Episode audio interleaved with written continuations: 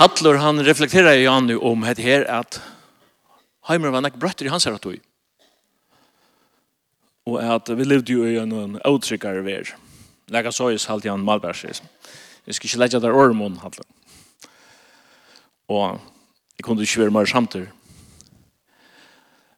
Vi lever i en brøytligere tog. vi lever i en tog som uh, her Heimer vi brøytligere kjøtt. Og faktisk er første Petersbra skriva inn i nægar omstøver som er brøttar øyla kraftig og ekvistlige etter, etter høyt stått her tog. Hvordan vi er her ut om 20 år har vi ikke minste peiling av. Vi då etla umen dokken hvordan det kan være så ut.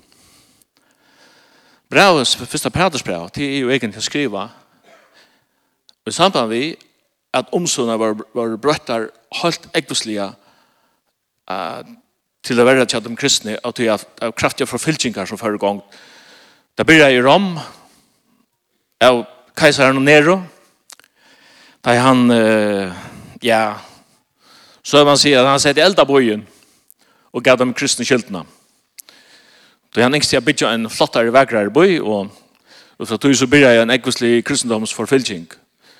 Og til at han av apostelsøvene er enda. Så det er forfylgjengar som vi leser om i apostelsøvene. Det er som til Lydia Miklund at du som kom at han av. Og til forfylgjengarna er til brødde seg ut om til romerske rujtje og til lengt fra, nok så lengt fra Rom til Lutla Asia, til, til nordrande Torskaland. Og til skriver Peter, fyrre Peters brev, til uh, disse samkomne og sundersprøyingene i, i Nord-Turskaland og skriver om hentan elden, hentan hans her ekvislige ætsøknene som er kommet der i disse, disse samkommer. Og hette er, man kallar etter et allmenn brev, vi kan også kalla det et hyra brev, som på en måte er aktuelt til alle tøyer, også i akkurat tøy.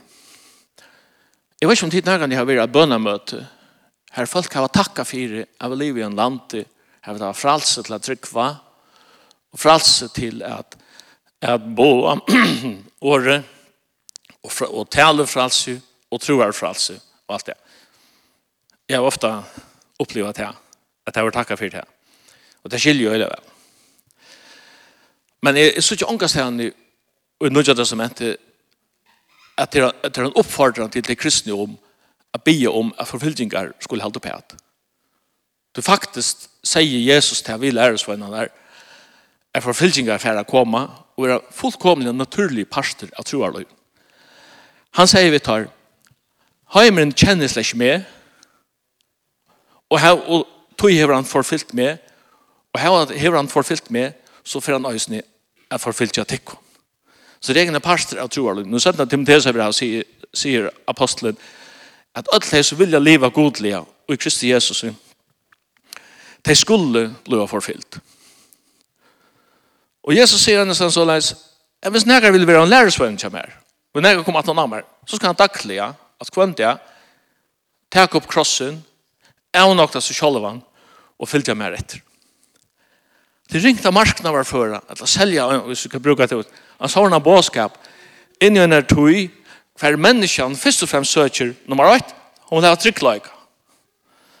Og nummer 2, hun vil ha virkjenning, Og vi kjenner hva det kunne kanskje ångte omskrive til makt. Og så nummer tre, hun leva innihalt. Og innihalt, det kunne vi kanskje omskrive til underhalt. Altså, tryggleika, vald og underhalt. De tror tingene er, er høyt av brettan. Men Petersbrau, fyrre Petersbrau, tar seg om, og setter tingene opp ut av perspektivet at han tar seg om, til stokkota og til tøymelige, og så hinne inn til avia. Og det er avnøyd at, at, at sier, ja, men hva er det som egentlig hever vir? Og så sørste enda. Jeg var klagsvik for noen viker så gjerne, og spaserer jeg inn en bøylinje som jeg kjenner øyelig vel, og her er trakk jeg mine badnaskegvar. Og så ikke baden spela, biler var parkeret, folk ganger, og jeg vet, nå, og hæsen bor i hæsen husen, og hæsen bor i hæsen. Og automatisk så får jeg tankene holdt trus, eller mor holdt trus har atre tøyene. Og jeg så ikke så myndene for meg. Jeg så ikke folk, jeg så ikke bøtten som spiller, og alt det der. Men det fleste av folk er slik her langer. Det er vekk. Og så kom jeg også her her.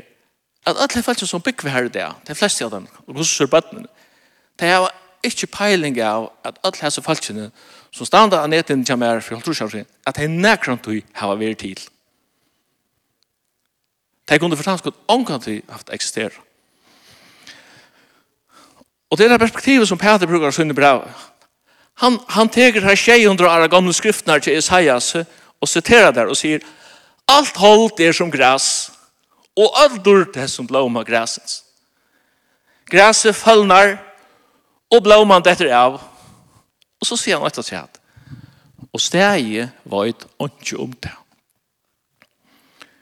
Til ånga stegene, det stendt av skiltet som sier her bor jeg med over for alt trusjeren, så gjerne, som at Ole, eller som at Marsten, eller som at Antras, eller hva han vil. Stegi et ikke om det. Og han ser til dette oppi dette perspektivet. Hvordan skrutjer han til tømt, men løyve er utan god. Og han sier tid er utsett for svaren, ætsøknen og forfylkingen. Og i det sier apostelen, men det skulle glede deg. Han bæði ikke, ikke være syrja i ætsøknen, men med glede seg utan.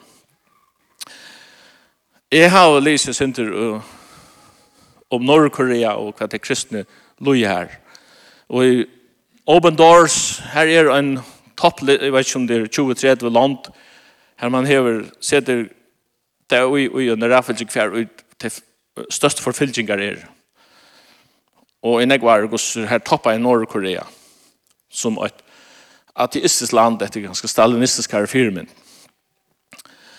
Og jeg minnes meg at var et land fra 2 til 20 var et muslimsk. Det er den heimer, som vi lever i, i det. Og en kineser, eller en, en europeer som var inne for å vite etter kristne i Kina, han, han fer han til sporene fra en kineser. Hvordan skilja tid hadde skriftsteg i Timotheus av braun, da det stender at alle de som vilja leva godelig og Kristi Jesus skulle være ætsøkt. Og han var svikenga til han. Han stod rettelig svær skiltir. Nå nevnte jeg hatter han om den heimen som er sånn jeg brøtter. Da jeg var teenager, da kom en bøk opp i hånden av meg som kallas for Tortur for Kristi skuld. Skriver jeg til romenska presten Richard Wormbrandt. Og jeg minns jeg les bøkene, jeg har vært en 16 år gammel og sånn. Og jeg husker jeg, altså man, man heter, altså, jo, jeg tror det, jeg tror det. Men jeg husker jeg, tror hun har litt, jeg heter kan fære fram i et land som, uh, som er så tatt på akkurat som Romania nu er. Og så gikk det bare en 3-4 år så kom så har de sa en analysing at Vormbrand skulle tale utrydda til en lapp. Jeg viser bøkken, når jeg bøker til han, noen greier sånt. Så jeg får så nyan av utrydda til en lapp, og her var flere tusen føringer og lort etter. Og jeg minnes det at uh, han den her vidjanen, hun utløste en mediestorm som fører omgang til hans. Hun skulle forhetje til bløven om hesten, som han skjer alt her, så dimmalæting og sosialen og alt det der, hva det, hva det skriver i. Her er framstandande intellektuelle føringar vi flott og akademisk og prekk ta seg om etter perversa livet som har kommet her politisk ørendri til fyrjar og vi har høyla vaska og idiotiske føringar så ja så jeg hørte til det naive. Og det gjør igjen det han morgen fjord at han er god av lov for det Men 12 var 18, hvis det er 20 da fall muren, Berlinmuren, og Jadnkjaldu, kvarv. Og det hendte så, det er at prosessen i Rumænia ble rettelig egboslig. Og han statsleieren som er ved om med, Richard Wurmbrand, ble forfyllt her. Nikolaus Ceausescu, han ble Anna Jola, det var 1924, nei, 1924, sorry att han har en, en stort rattarsäk avratt över skåten. Det sägs att soldaterna från kappa är som man släpper kjöda Kjevsesko och Konjans här. Han rattliga och hugglig rattargång och avratten som för fram. Men verkligen att han att det som förringar hörde om hästungen under tjejalfjärs det var bara en brökdöjler av sandökan. Mundus vultisibi heimren vil lumpast så jag blev långt i att tacka till. Men Peter och sunne brev han framställde Kristus och i första Peters brev som till levande och eviga vånarna för att de som lever och tog ätsökten som får fram och i Lutla Asien. Og han framstillar ta tøymelia og kontrasten mot tøy avia. Ta sikst at domkirken i Milano, her er her er suja som med trutjar horar. Og i vet jo ein horna her en her innrestar en krosser við innskriftene. At løyingar her er fyrir ein stokkota stund. Og i vet jo tre horna er rosenkranser við innskriftene. Alt som kan njotast er bara fyrir ein stokkota stund. Men i vet jo større mi horna stender til bara til som hevur tutning som er avvitt. Såleis kan det høyne sies. Apostelen Peter skriver egentlig dette brevet, som han har trøst til deg som var i utleggt og var under forfylkingen. Og han bruker hans egne, som hvis nekker har opplevd sjølver forfylkinger, og sjølver at oppleva det at man ikke kjente seg sjølven, så var det just han. Vi vet at Peter ble kattlaver av herren noen, han var framme i vattnet noen, i, i Tiberias vattnet noen, uh, Genesera vattnet, eller, eller hva du kallar det, Her er en uh, nazareer kjem forboi og sier, fylg mer, og tar rastus, og tar fylg i hånden. Og hese personene som fylg i hånden, tar omskriva i alla hemsøvna, tar omskriva i verensøvna, mer enn nekar annar som hev liva her av hjørne. Vi sutja det i heimen hon, og i det. Og i livet hon til honom, fylgjer han herran hon, og høyrer om Guds rujtje, han høyrer om Guds herren uh, underviser om Guds karakter, han underviser om menneska, hva det menneskan han er, om alt det som hunker på menneskan. Men så stender det, kom et tørspunkt i undervisningen til Jesus. Jeg hadde det i Matteus 16, stender. Her er det som er stryk over seg til santen. Aren og Atana. Så stender, fra hese stund byrja han at gjøre lærersveien sunn grøyt, at han skulle fære til Jerusalem, og løya nekv, og være krossfester, og tria det her i røys oppater. Da hadde jeg aldri noe løyven hørt dette før. At det var fullkomlig fremmand. Da hadde jeg haft en herre, en mastara, som klarer i alle situasjoner. Og innenfor alle det jeg drep han i Nazaret, jeg drar han ned han av fjallet, at jeg stod under åman. Jeg stendte, han tjekk bare sted. Og så lærer han livet jo i servisen i om til, Herre okkara og mestar okkara, han klarar alla situationer, ongi kan kua han. Men nu får han fortelle dem til han skal fære til Jerusalem og loja. Og Peter gjør så til som menneskjan naturlig vil gjøre en sånn sjøn. Han tok Jesus til Sujus, for jeg snakket nok for å fortelle om noe fornuftig år, altså. Hette her, må bare ikke hente. Og så kjenner vi til søvnene, Peter Jesus sier vi han. Men han som ikke råknar vi avløygan og han som ikke råknar vi løyingun han råknar egentlig skøyft og så lær skulle si at ta vi at ta Jesus kommer til Jerusalem og vi hongter av han krossen ta så han ut i menneskens egen som er at han han holdt, holdt, holdt større teparen og jeg miste alt men vi er løy som at han Jeg tenker at det andalige perspektivet, nå hikker det andalige verden, så er han den store vinnaren ved tog. Så just her vann han av tikkenen under velten. Og gjør det hele skammer for egen alder at han visste seg som sier herre. Ivet har man ødel.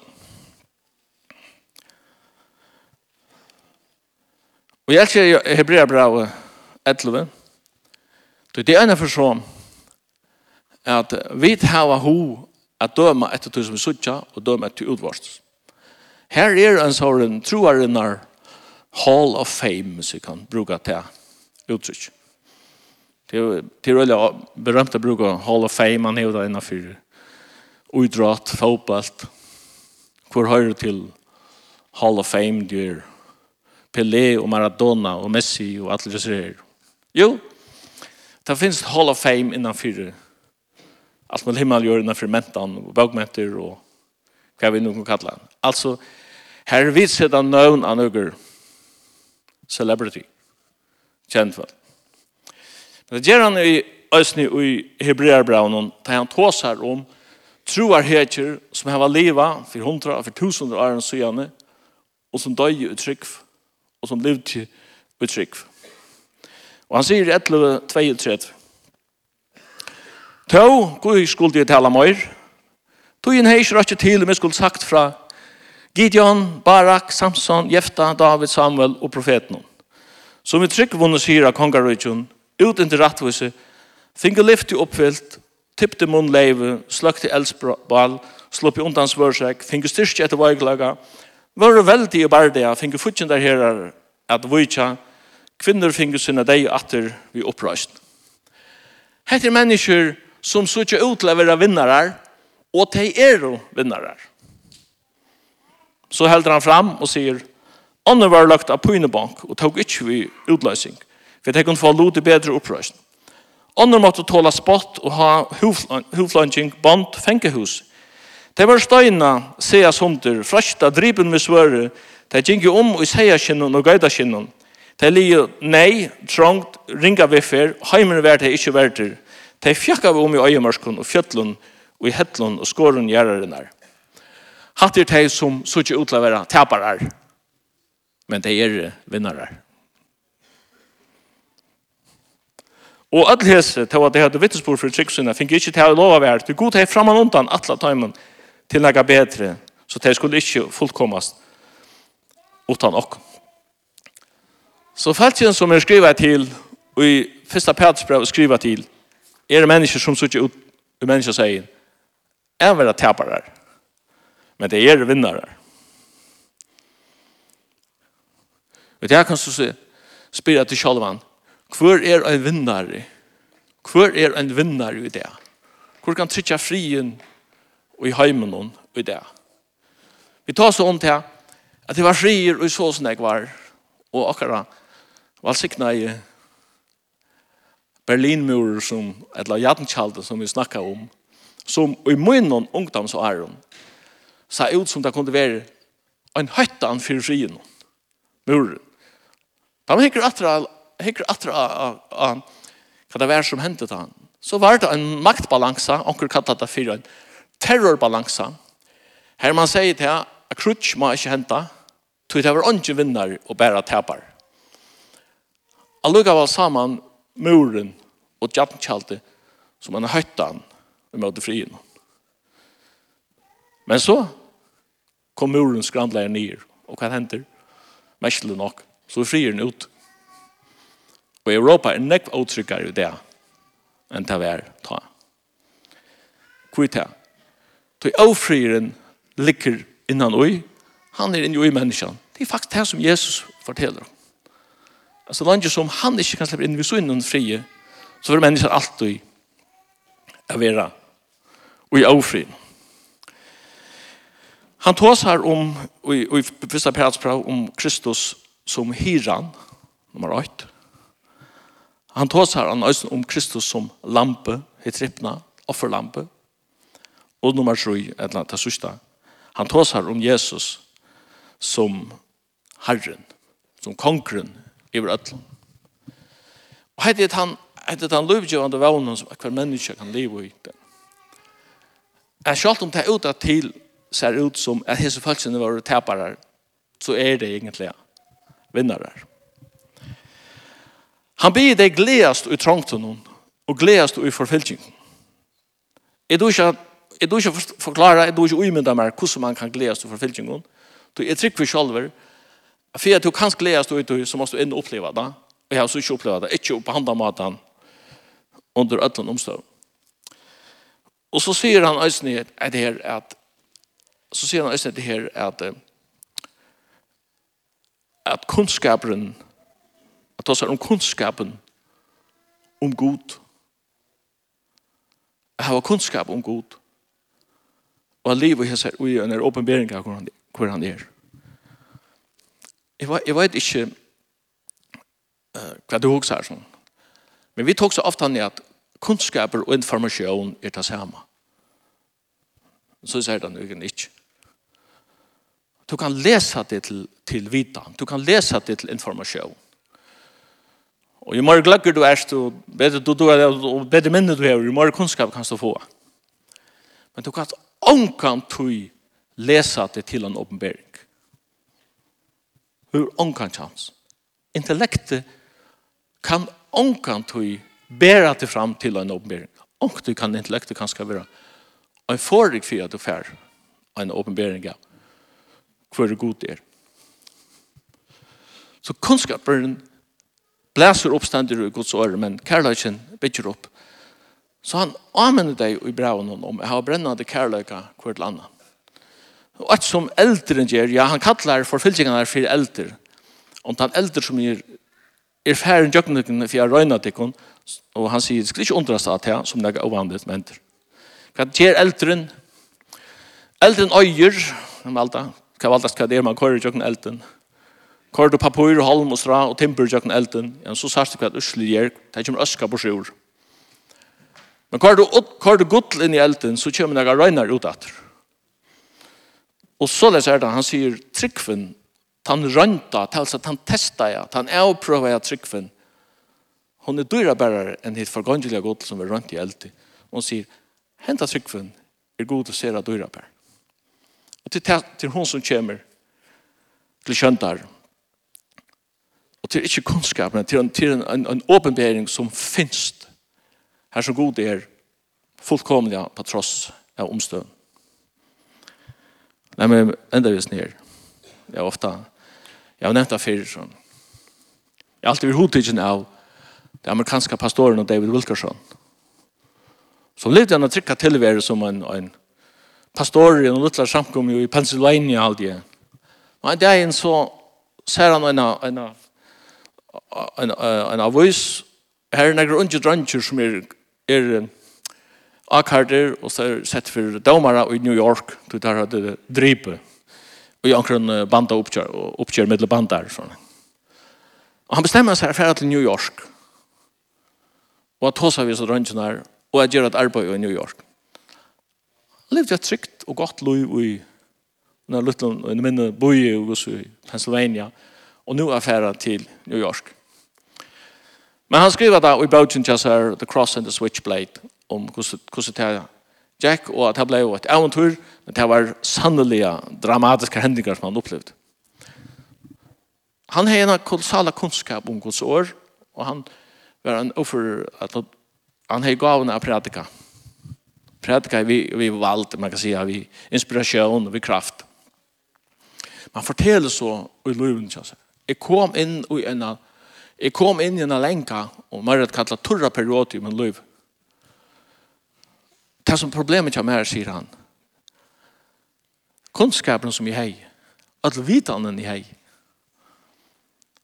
alt det som jag har upplagrat jag har. Att pratikene pratiknar sådana.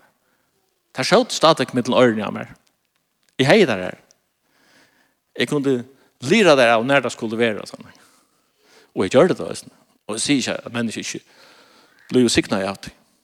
Og knappt jeg kommer til det punktet han sier jeg har bruk for en nødgjør åpenbering av Jesus. Jeg har bruk for en at, at være filter av Guds anda av nødgjøren. At få en nødgjør inspirasjon og oppleve Jesus av nødgjøren. Kunnskapen er så selv er ikke kallet vi. Men stender han ansamallir, så flyter han øyla løyde til han nesten åndsju. Så ser det øyne vi kommer her, og sitter her, og tjokken øtten og sånn her. Det som han gjør i Peters braun her, Peter, som trøst til de kristne som var forfyllt i, i, i Norr-Asia, i Torsk, Norr-Torskaland, han malar og han teknar Jesus opp for dem av nødtjen. Det gjør dem en livande åpenbering av dem. Det er det som kan bæra det i tjokken trångtene og tjokkene alle tøyer. Og til å eisen trøst okkara, og i det i det for jeg sier her at jeg var et åkne hoksom han. Peter, du doa grikst, jeg synder her han du doa griskon. Han var jo oppvaksen i Galilea. Man skriver jo til et grikstalande land, et øtje. Og han sier jo enda av Braunon at at Silvanus, han har hjulpet meg når jeg skriver, skriver det brevet. Og i råkner vi, han har skrivet det, kanskje ofullkomnen, og finner jo en som som uh, Dotter Greks telefoner er postet av litterære av, så leis at, at han kan sitte pent ut, ut til, og Guds sier, sier at tar som kjenner fra alle, at den at første Peters brev er skriva av øyla flott og litteræren grisk. Han hei omgang til uimynda seg Peter, da han skriva i dette brevet for 2000 år siden. Hette skulle være, være parster av de kanoniske skriftene i Nødja Testamentet, blå omsett til hundratalsmål, og var lyse i, i alter framiver, og jeg vet færre det jeg skulle sitte og lese det her, det er aktuelt øysen inn og i akkurat tog. Herren var sikkert til kun all, og Jesu vi tjater kun, styrke til kun, og lette til kun opp, og halde til kun opp via en fusen anda, med bønn i Jesu navn. Amen.